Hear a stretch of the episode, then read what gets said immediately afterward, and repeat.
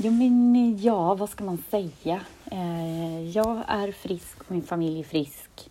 Men eh, det är ju... Eh, trodde de två, sen, två senaste åren har vi sagt att det är märkliga tider, men det blir ju inte mindre märkligt, får man väl ändå säga.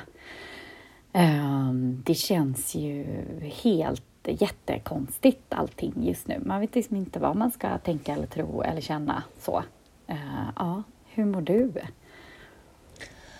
Nej, men verkligen. Jag känner att så här, nervsystemet känns påverkat. Ja, men det som du säger, man är så otroligt tacksam bara för att vara i ett just nu liksom, fredligt samhälle och att oh, man är frisk och eh, oh, otroligt mycket tacksamhet och rädsla och ångest eh, samtidigt. Eh, men jag vet ju att du och jag har ju, vi pratade ju lite om det här, vi har ju hanterat de senaste dagarna på två helt olika sätt. Ja. Och jag tänker att det är två ganska vanliga sätt som många lyssnare nog kan identifiera sig med, liksom, antingen med dig eller mig. Mm.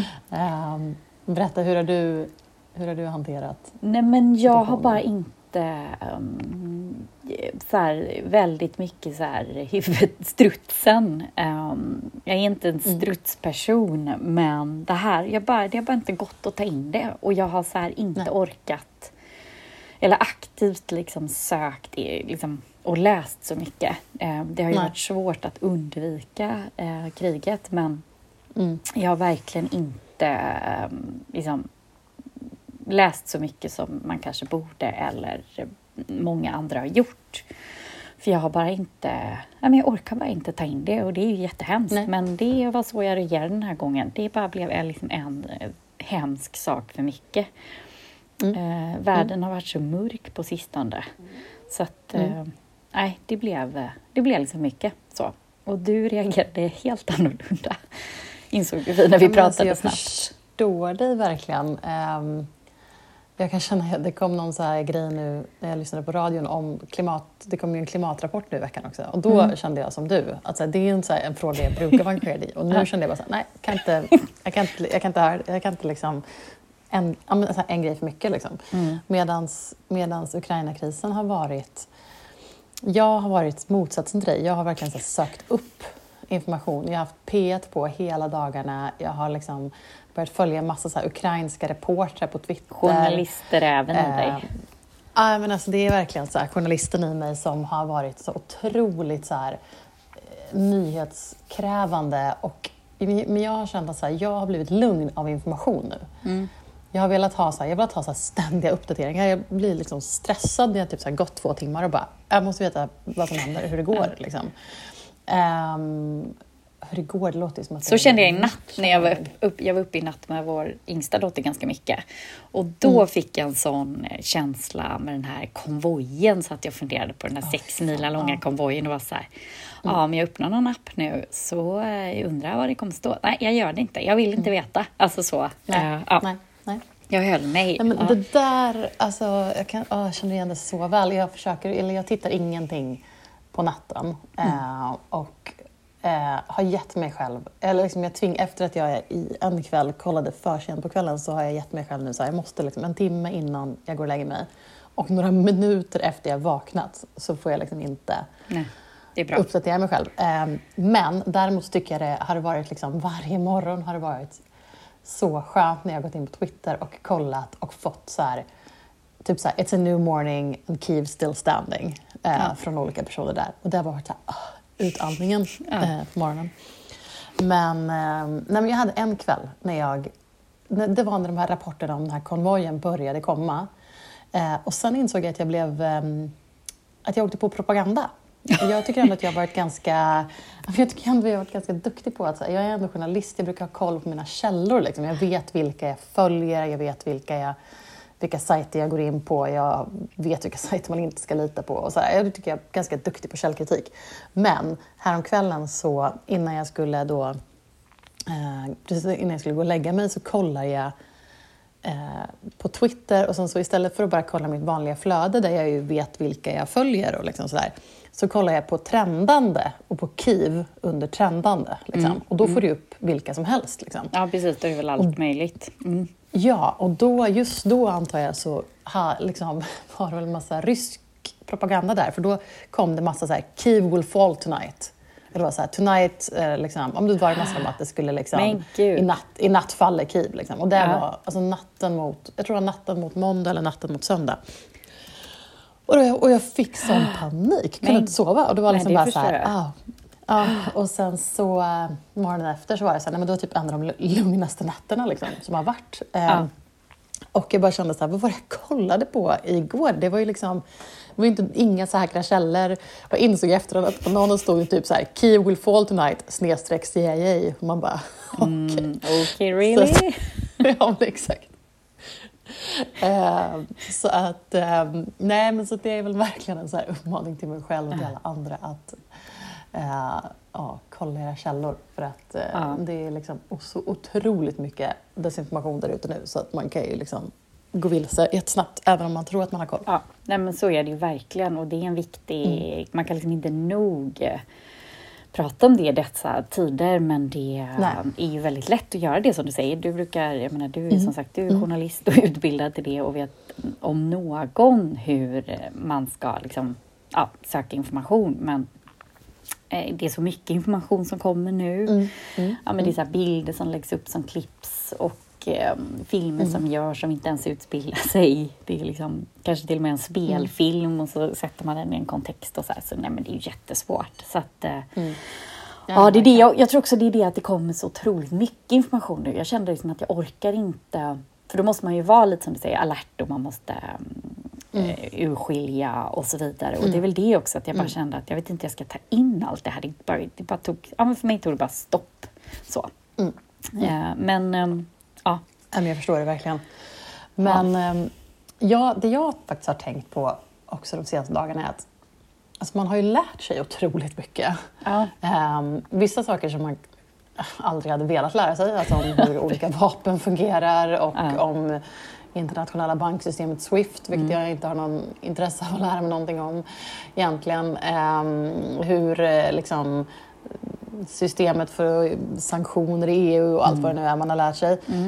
Um, men, och då vill jag ändå lyfta någonting positivt här. Jag har även lärt mig väldigt inspirerande saker om Ukraina. Mm. Alltså lärt mig, liksom, fått upp ögonen för um, kulturella saker som jag har blivit så inspirerad av. Ja. Uh, jag tänkte bara ta tre sådana. Som, Jätte, ja, liksom- jättekul ju. Eller kul, mm. men ja, men, ja, men ändå så här, man får ju ändå och nu får man ju också så här, vi måste ju försöka se de en, eftersom vi själva inte är i en krigssituation så får ju vi bara försöka se det positiva och hjälpa till med det vi kan. Och om det kan vara att uppmärksamma eh, ukrainsk kultur eller något annat så är väl det mm. nog så bra idag, känner jag. ja men verkligen. Det, mm, jag tycker det är bara ja, eh, det är fascinerande och det är... Eh, det finns ju så otroligt mycket liksom, kultur och mode och konst eh, där ute som man inte får upp, som man inte hittar och som man inte märker och som man... Eh, sen när den dyker upp så inser man att så här, gud vad det här är, passar mig eller känns intressant. Eh, men de här grejerna som har dykt upp i mitt flöde är ju dels då eh, den ukrainska blomsterkransen som ju kallas för vinok, har jag lärt mig som ju är så riktigt traditionell eh, liksom accessoar inom ukrainsk kultur, eh, har traditionellt burits eh, på bröllop och även av liksom, unga ogifta kvinnor. Eh, men har de senaste åren, eftersom det har blivit mer liksom, patriotiskt i Ukraina de senaste åren, så har det blivit mycket mer populärt att bära blomsterkrans också och tydligen säljs de eh, liksom överallt i Ukraina eh, och folk bär dem ja, men liksom så här, unga tjejer bär dem på fest och sådär. Det har liksom blivit en väldigt, väldigt populär eh, accessoar. Um, så det är den ena, eh, vinok. Då är det ju kanske man ska, ju... vi kommer lägga upp en bild, men att det är ju inte mm. en, en midsommarkrans, utan det är en här som är nästan som ett diadem och så kan det hänga diadem, ja, exakt. Coachella-festival. Um, vi har sett det på, um, på festivaler, Coachella och Way Out West. Um, det är väl vår um, referens på, på, det. Ja men verkligen, det var ju, blev ju verkligen så inne för några år sedan. Alltså som du säger, just Coachella-modet, Lana Del Rey körde mm. ju den rakt av. Eh, så den, just den typen av blomsterkrans blev ju väldigt liksom, inne här för några år sedan. Mm. Eh, Men, men man ska verkligen, det finns jättefina, man kan googla så här, Ukrainian flower wreath eller vinok. Vi lägger upp lite bilder på det. Så det var den ena. Och sen nästa var ehm, som ju också då är, eh, som heter Vyshyvanka, som också är ett traditionellt ukrainskt eh, mode. Det är alltså en blus eller en klänning som har traditionellt ukrainskt broderi på. Eh, mest klassiska är liksom vit med rött broderi, men det finns även liksom massa olika färger. Eller det är väl den man kanske främst känner igen. Så.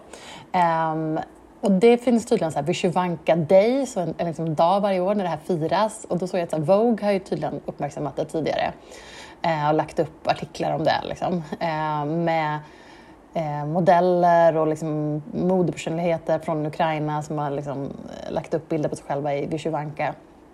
Eh, och de är superfina. Mm. Eh, och finns ju såklart så moderna versioner av och är också ett väldigt liksom, bärbart plagg för att vara en så folkuniform, eller liksom traditionellt plagg. Och känns ju väldigt kopierat. Alltså, väldigt kopierat. Det, alltså ja. också varit väldigt trendigt de senaste åren. Precis.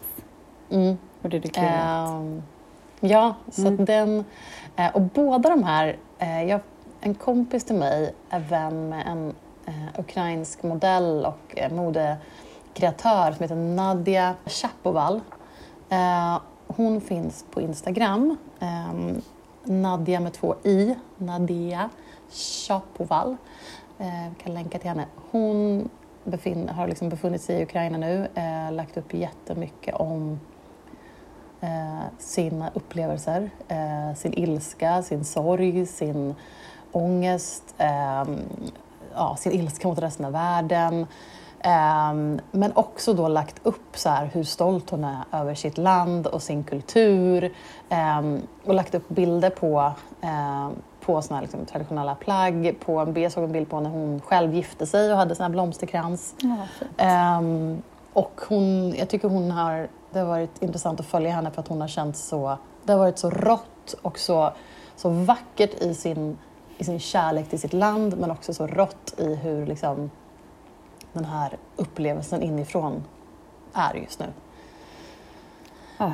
Um, ja, men sen då tredje saken som jag har lärt mig om de senaste dagarna i koppling till Ukraina som inte har direkt med kriget att göra är då eh, konstnären Maria Primasjenko.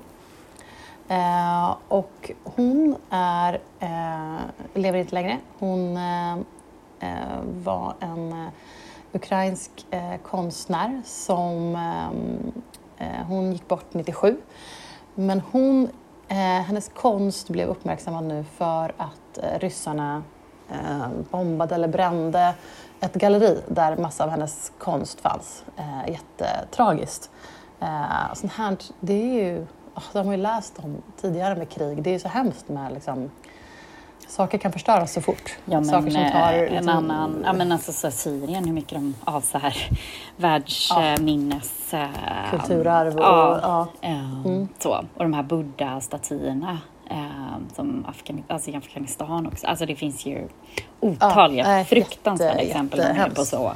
Just på kulturen ja. och kulturarvet. Mm. Det är väl verkligen ett sätt att radera människors historia om man raderar mm. deras kulturarv. Det, um, ja, Men då ska vi göra en, en, en um, ska vi dra vårt strå till stacken här till att man inte raderar ukrainsk kultur eh, så snabbt utan att eh, Maria Primasjenko uppmanar alla att gå in och titta på.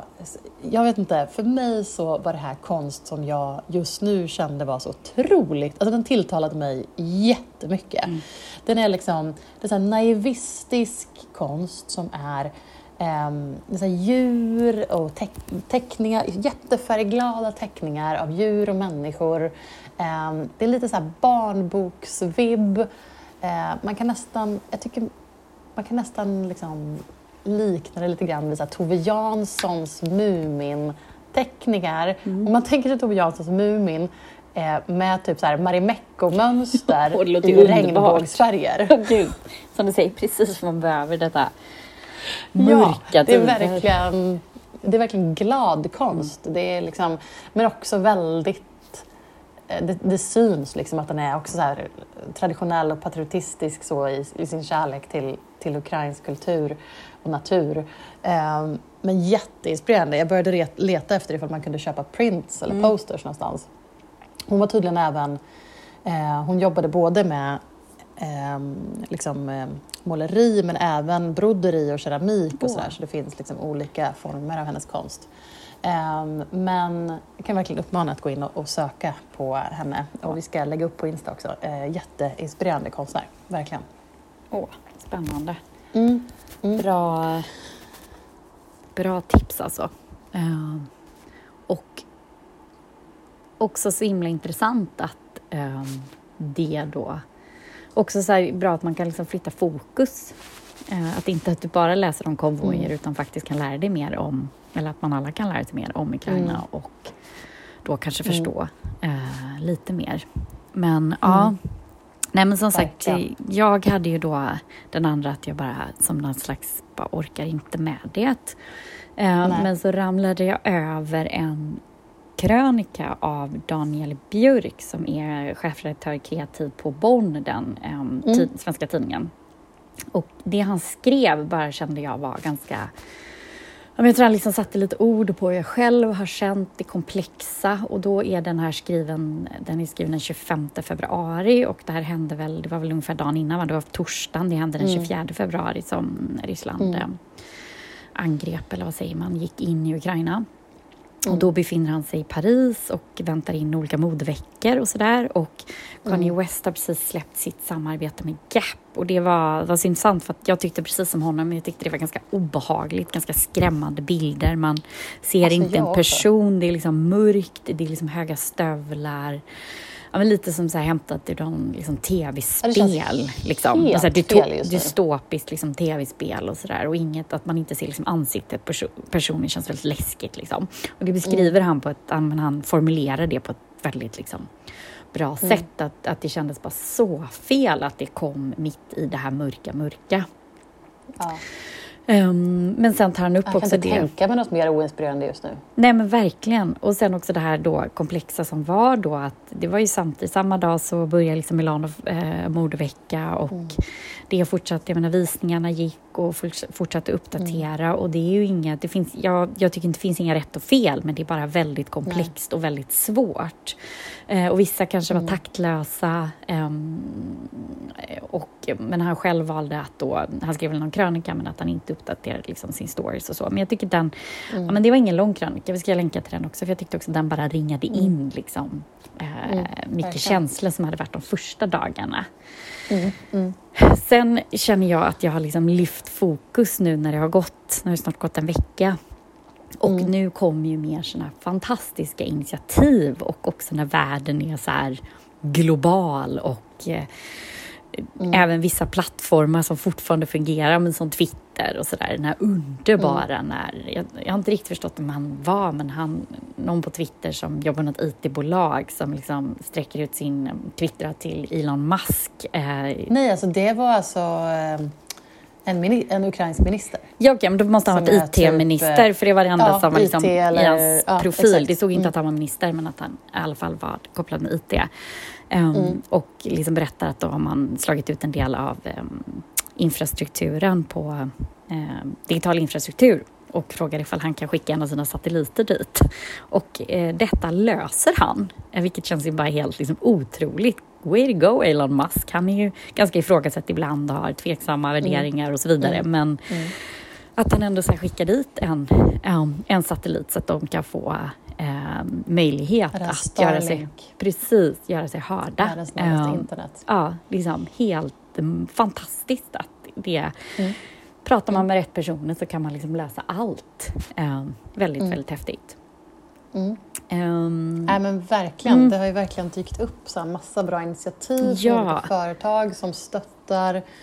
Um, det, är så, men det är så intressant också att följa nu för att det dyker ju upp, eh, som till exempel idag då när vi, vi spelar in onsdag. Idag så skickade vi till varandra, vi såg att eh,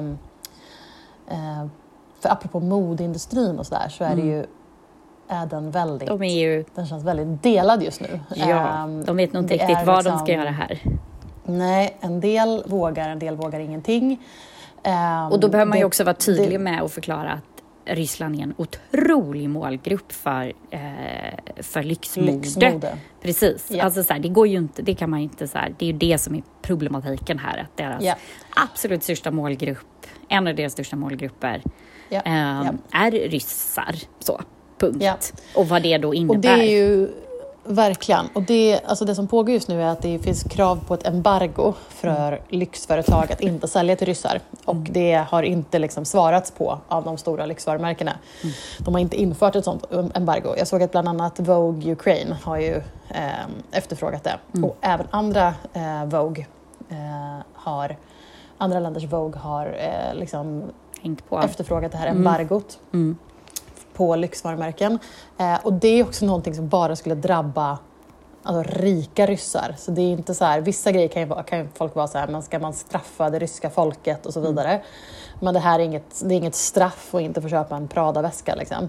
Utan, ehm, med så, med så här, om... oligarkpengar. För att Nej, exakt. exakt. kan man inte dra alla, över, alla ris, rika ryskar över en, kam, eller över en kam, men det är klart att många är väldigt knutna till Putin och Putins regim eh, och har tjänat Såklart. väldigt, väldigt, väldigt mycket pengar på det. Om inte annat så har de tjänat mycket ja. pengar på den och liksom varit eh, liksom med eh, bundsförvanter till den här jävla, liksom, eh, vad ska man kalla dem, historiska ja. jävla Ja, men historiska i alla fall. Liksom. Mm. Ja, verkligen. Um, nej, men, nej, men sen är det ju så börjar man se att vissa, vissa modeföretag nu går ut. Jag såg att danska Gannig gick ut och liksom sa att de samlar in pengar och de står liksom på Ukrainas sida. Det som verkligen har stuckit ut är ju Balenciaga, mm. som vi såg idag, hade raderat hela sin Instagram, bara lagt upp en liksom, Ukrains, Ukrainas flagga och sen börjat uppdatera sina stories med så här, vart man kan donera pengar, hur man kan hjälpa till. Det känns ju som att det här måste ha att göra med deras chefsdesigner Demna. Um, han är ju, um, ska, vad heter han i efternamn, Demna Gvasalia. Mm. Han är alltså från Georgien. Mm. som ju attackerades av Ryssland för några år sedan. Så han vet väl ungefär exakt hur det känns. Kan ju bli attackerat igen om mm. liksom, Ryssland vill fortsätta med sitt liksom, återupprättande av sin dröm om någon liksom, sovjetisk ja, framtid, stormaktsvansinne. Mm. Nej, men så han, och, eftersom han ja, har varit med om det förut och mm. um, så ja, ja, det måste ju vara så att han har mm. legat på där. Och det visar ju också bara vilken, hur mycket liksom han har att säga till om där, mm. som inte bara har med själva designen att göra. Men, eh, och även så Acne eh, hade ju donerat pengar plus att de hade pausat mm. allt sitt eh, ja, de skrev att vi har pausat all vår verksamhet i ja. Ryssland, vad det nu innebär. Kanske stängt någon butik eller inte påbörjat någon butik och sådär. Um, och så då att... i motsats till det så har vi de här svenska företagen som då ja. inte har eh, liksom, eh, gått ifrån Ryssland, vilket ju till exempel då Ikea och H&M har inte stängt sina ryska butiker. Nej, och Arket eh, Men ju... det såg jag precis mm. nu, att de har pausat någon skjuter upp, ja. i alla fall skjuter upp en butiksöppning i Moskva. Mm. Jag vet inte ifall, och att de så här avvaktar och vill vänta in och så här. Och, Vad är det att avvakta och vänta in? Jag vet inte. Det är, klart man, det är klart folk vill hålla huvudet kallt, men det här är en, en situation där... Ja, men alltså, också... där så här, EU fick igenom alla de här ja. sanktionerna och att de skickar vapen. Jag lyssnade ja. på The Daily idag som pratade om att jag visste inte det. För att det här ska gå igenom, för att de ska mm. få igenom det här enorma sanktionspaketet och det här liksom, om att de ska skicka vapen och så, måste alla medlemsländer säga ja. Mm. Du ska få 27 länder att på några dagar besluta sig om sanktioner och vapen om 27 olika länder, mm. men alla har unika relationer till Ryssland, unika affärer med Ryssland, mm. historia med Ryssland. Att alla de ska gå med på det på några dagar eh, om, de kan, om EU kan klara av det så kan företag klara av att bestämma sig om sin hållning på en Gud, vecka. Ja. ja, och också så här, jag kan känna också att man behöver liksom inte heller jag tycker också fett liksom bra exempel där man bara gör det man kan. Alltså så här, Naturkompaniet mm. bara så här, vi samlar in vinterkläder för vi är bäst på vinterkläder. Um, ja. Airbnb, vi, vi ser till att att, eh, att de kan få bo i några av våra liksom, objekt och så betalar vi eh, hyresgästerna för de objekten. Alltså man, kan, man behöver inte ens liksom, ta så mycket ställning, man kan bara liksom, hjälpa till. Man kan Ja, bara så här, ja. stoppa en produktion, pausa, det är krig. Eller Ja. liksom, skicka kläder. Alltså, man behöver inte vara politisk det här liksom jättes, det är ju alltid en så här hårfint hur man ska våga Mm. vara, hur politisk man ska vara. Men man behöver liksom inte ens... Alltså de har sån Man kan bara stå upp för Ja, gott. Liksom. Exakt, och så här, för det här, är, det här är så himla lätt vad som är så här eh, gott, gott och ont. Alltså det är ju Ja. liksom, det är, det är en Det är liksom verkligen en liksom, så, så här, tydlig... tydlig, ja. tydlig konflikt på det sättet. Ja, det är inte Ehm, så att två länder, alltså det är ju två länder, men det här är ju en person Ja. mot liksom, ett annat land. Ja. Alltså det är inte... Ja. Ja, man, liksom, det pågår ju en massa märkliga... Det var som han, presidenten hade twittrat. Då, då uppdaterar ju han med den ukrainska presidenten, då uppdaterar ju han sen vilka han, um, stats, eh, liksom män eller kvinnor han pratar med. Så här, ja men I had a good conversation with the Mm. Ja, Swedish prime Ukrainas minister. president. Ja, Mm. precis, Ukrainas president ja. Men då när han hade pratat med eh, Israels, då stod det bara så här, jag har pratat med, punkt. För att liksom, vad ska Israel säga? De ockuperar Palestina, alltså de gör precis samma sak. Alltså Ja. det är också Ja. ganska, ja. Eh, men um, you do what you can känner jag i dessa tider. Mm. Mm. Eh, men också, verkligen. precis. Nej men också som eh, jag tycker är ju att allt blir politik. Eh, Eurovision Song Contest, eh, OS, mm. fotbolls-VM som är väldigt aktuellt för Sverige. Mm. De ska spela playoff, här i mars, Mm. eh, playoff i Sverige här i mars. Mm. Och eh, att det går liksom, så som världen är uppbyggd och med det kapitalet som vissa branscher Mm. är liksom uppbyggt av, det är politik allting. Liksom. Mm. Han Abramovic som äger Chelsea, han köpte det Mm. 03 och så förändrade hela liksom, spelplanen med hur liksom, fotbollsklubbar ägs och drivs. Och han har ju ägt den sedan dess, så det är ju 20 år ungefär han har ägt den. Men nu då har lämnat över ägandeskapet och här, verkar rätt komplicerat men det sägs att han har lånat ut pengar till klubben och så liksom håller de pengarna åt honom. Så, för att hans tillgångar blivit frusna nu i, i de här sanktionerna. Alltså jag jag vet, vet extremt lite om klubbfotboll, men när jag stod och lagade middag ikväll så hade jag ju på P1 då, och då var Olof Lund med och pratade om Ja, precis vad det här. intressant. Ja, för det här kan ju han. Det Ja. här är ju hans. Ja, eh, och sen såg jag en artikel sen också om att han håller på att försöka sälja det tydligen till någon schweizare och så här för, för jättemycket pengar. Ah. Och då kan man också fundera på så här, vem som köper av honom för då bidrar ju de till att han får loss pengar och så vidare. Det känns ju också lite problematiskt. Liksom. Ja, men det Men jag tyckte det var intressant hur. Olof Lund pratade om det här med... Han pratade ju om hur, hur han har liksom försökt bli legitim Mm. i västvärlden på massa olika sätt genom att eh, Massa ryssar gör ju det att de köper hus i London, deras Mm. barn går i fina brittiska skolor. Han har ju tydligen även blivit typ portugisisk medborgare tror jag. Ehm, eh, liksom genom någon sorts jättegammalt eh, kryphål. Ehm, han, eh, men, eh, som han beskrev det så var det att han gör ju massa olika, har gjort allt det här för att verkligen liksom försöka bli liksom anses eh, legitim i västvärlden, vilket man såklart ska få bli vart man än är ifrån. Men han har ju samtidigt haft otroligt nära kopplingar till Putin och nu försöker han ju distansera sig. Eh, nu när det, liksom, när det bränner eh, så vill han väl liksom distansera sig från det.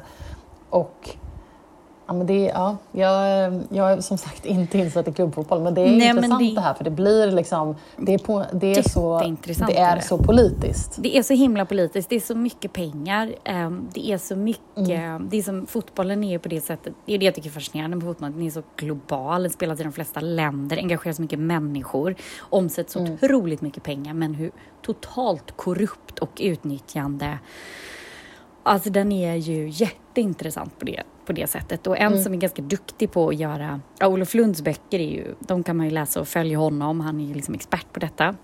Men också så här, Erik Niva är ju en sportjournalist också. Framförallt på fotboll. Han har ju en podd som heter We Are Kings. Där han, ganska långa avsnitt, men han gör även kortare versioner för att blir väldigt långa. Men han kopplar Ja. liksom olika fotbollsklubbar eller landslag till liksom historiska händelser oftast. Och det är ju väldigt intressant. Till exempel under när det blev krig i Jugoslavien så var, om det var Bosnien-Hercegovina, var i, alltså något av lagen var i Sverige och blev fast här eh, för att det blev krig Mhm. och de fick inte spela sin match. Alltså, det avsnittet är ganska Ja. intressant. Det finns om det gamla Mm. Donetsk-laget i så här Ryssland. Alltså så här, att Mhm, koppla mm. ehm, fotbollen till liksom, en historisk kontext gör han. Ja, men som är Mm, ganska liksom, mm. intressant om man vill spåna in på det Mm. Liksom, ämnet. Men, um, nej, men jag tycker också det här med Fifa och Uefa som inte vågar heller stå upp mot Ryssland. ehm, det tog ju lång Nej, det- tid och liksom, ja, Sverige var ändå väldigt inne. snabba där och väldigt liksom, rakryggade Mm. att vi tänker inte spela. Vilket Mm. de riskerade då att de eh, inte skulle få komma till VM, gjorde ju de. Mm. De riskade Mm. ju sin plats i samband med att de sa att de vägrade. Det kunde ju lika Ja, väl men varit så att de sa att Ryssland rätt. gick dit och så Sverige inte hade fått komma dit.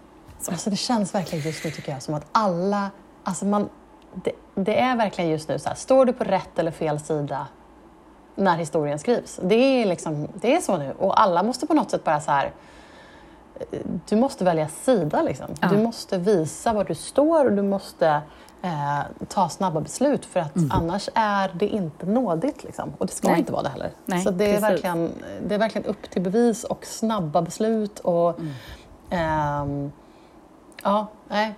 Älskar du något på internet eller? Ja, alltså älskar och hatar mycket på internet den här veckan. Men, ehm, men ja, ehm, jag funderar på vad jag skulle ta upp. Men en grej som jag tyckte var så här, ehm, som stack ut, som jag tror jag la upp på våra stories, men vi kan lägga upp det igen. Det var ju, ehm, det, finns, det är den här svenska ehm, tv-producenten som bor i LA som heter Ja. Henrik Bastin. Som ju är gift med Karin Bastin som är så här, hon har ju poddat massor och har väl podd och sådär. Och ehm, ett stort Instagramkonto. Han, ehm, han svingar fritt nu på, på Instagram och Twitter. Han är jävligt förbannad och det är, jag älskar folk som är förbannade. Men eh, han gjorde ju, liksom fick ju panik av att bara sitta och inte kunna göra någonting. Eh, och är ju också tv-människa så han kan ju uppskatta Zelensky såklart. Ukrains- Mm. Ja, Ukrainas gud, ja, president. vem uppskattar hur, honom? Hur bra kunna- Zelensky Men alltså, gud, han vi skulle ju- kunna prata om honom Han skulle helt leda avsnitt. världen just Ah, nu. Alltså han skulle kunna leda folk in i liksom vad som helst. Eh, Men hela hans bakgrund, ja, det är så liksom. mycket spännande med Ja. honom. Mm. Nej, han är så otroligt fascinerande och karismatisk och stark och modig. Ehm, extremt modig och jag är livrädd för hans skull och för hans familjs skull. Men det kan jag inte gå in på för då blir jag så stressad. Men, men ehm, han Henrik Bastin i alla fall kan ju så uppskatta ett bra citat och bra liksom, replik. Eh, och det gav ju Zelensky när Joe Biden frågade ifall han ville ha ehm, att de skulle liksom slussa ut honom ur landet och hjälpa honom att liksom, och fly. Och då hade han ju sagt I don't need a ride, I need ammunition. Ja. Och det är ju, så det tryckte ju då eh, Henrik Bastin, först gick han ut och bara så här, någon som kan hjälpa mig snabbt så här, trycka t-shirtar eh, liksom i LA. Och sen så tryckte han ju då det här citatet på en t-shirt som han och då eh, hans fru Karin Bastin, de gick ut och så sålde de de här t-shirtarna eh, snabbt för eh, liksom, jag kommer inte ihåg vad det kostade, men de matchade också, så de dubblade upp eh, beloppet. Och sen skickade de alla de här pengarna till eh, Ukrainas försvarsbudget. Det lilla i det stora. Det lilla i det stora. Ja. Exakt. Ja, men liksom jag det. har Vad, eh, ja, vad älskar du på internet? Nej, men jag har faktiskt också en sån eh, historia, men jag följer en tjej som heter Jana Schreiber som är en eh, eh, författare, ja, eh, svensk författare som bor här i, Stockholm och hon, Mm. vi är från Göteborg båda två. Och hon la Mm. upp ett initiativ, hon hade fått kontakt med någon polsk organisation där man alltså swishar pengar för att köpa barnböcker till de barnen som är på flykt nu. Till exempel, alla de här barnen missar ju sin skolgång och så vidare och då hade hon via någon kontakt i Polen lyckats. Så att om man swishar pengar dit så köper de loss barnböcker och ger till de här barnen. Och jag tyckte att det var Ja, ett väldigt, väldigt fint och så himla enkelt Jättefint. Mm. också. Men också så himla viktigt lite med så här bokens, eh, alltså de här barnen behöver ju läsa något annat, tänka på något annat och då vet vi att böcker är ju Mm. fantastiska fantastiska där. Så jag tyckte det var superfint. Så det ska vi lägga upp och prata om. Och sen tipsar vi om också gå in och titta på SVT-dokumentärer. Det finns ju otroligt mycket om, om man vill lära sig mer om krisen och detta. eh, Mm. Och om Putins galenskap. Så finns det bra och eh, faktabaserade Verkligen. dokumentärer där, så det kan man också göra. Så det var väl Mm. egentligen bara de två. Ja, jag skulle också, eh, apropå det, bara Mm. vad man vill uppmana till, att man kan också eh, verkligen uppmuntra till att gå in och donera pengar till Unicef Mm. eftersom eh, det finns ju en svensk eh, miljonär som går in och dubblar upp just nu. Ja. Allt som skänks till Unicef så dubblar han Akelius. beloppen. Nu ska vi Akelius. rippa av Ehm, honom alla hans miljoner. Nej. Ja, nu bara liksom In och swisha. vi hans pengar. Ja, så att eh, det, ska man välja en organisation just nu så är det en bra, bra organisation att välja eftersom det dubblas upp. Så, och det är Unicef, vilket är en FN-baserad organisation. och Så, där. så att det är ju en eh, seriös och bra, eh, seriös bra organisation och det dubblas upp. Så det vill vi verkligen uppmuntra till att göra. Swisha Unicef. Och jag hörde deras svenska från, men var hon från Stockholm, kansliet där, eller från kontoret där, hon var där nu på plats och de intervjuade henne i SVT Ah, okej. här igår. Eh, så. Mm, Och okej. hon, ja, Mm. det var... Ja, men hon kände som att hon var väldigt glad att vara, eller glad att vara på plats, men det kändes viktigt för henne att vara på plats, Ja. tror jag. Mm, mm. Också. Och, s- Mm. mm. Ja, ja, vi får, Ja. Se vad vi, får se vad vi kommer podda om nästa vecka. Det känns som Ja. världen förändras för varje, varje timme nu. Precis, och vi Men, kanske eh, lägger upp eh, lite fler tips också. Jag kan också uppmuntra er att Absolut. läsa den här som Svenska L la upp där de hade haft Zoom-möte med eh, chefredaktören på Ukrainska L. De hade haft ett sånt stort Mm. Zoom-möte där hon berättade om ja, i IRL vad som händer att då vara chefredaktör för ett Nordmagasin och eh, sitta mitt i en ja, krigszon. Väldigt, eh, ja, det... är- Helt absurt. Mm. Så att... eh, Mm. Ja, nej, allt, vi, vi lägger som vanligt upp allt det här på Insta. Yes. Och, eh, så hörs vi igen nästa vecka. Följ oss och tipsa era vänner om ni gillar podden. ja. Bra. Hej, hej.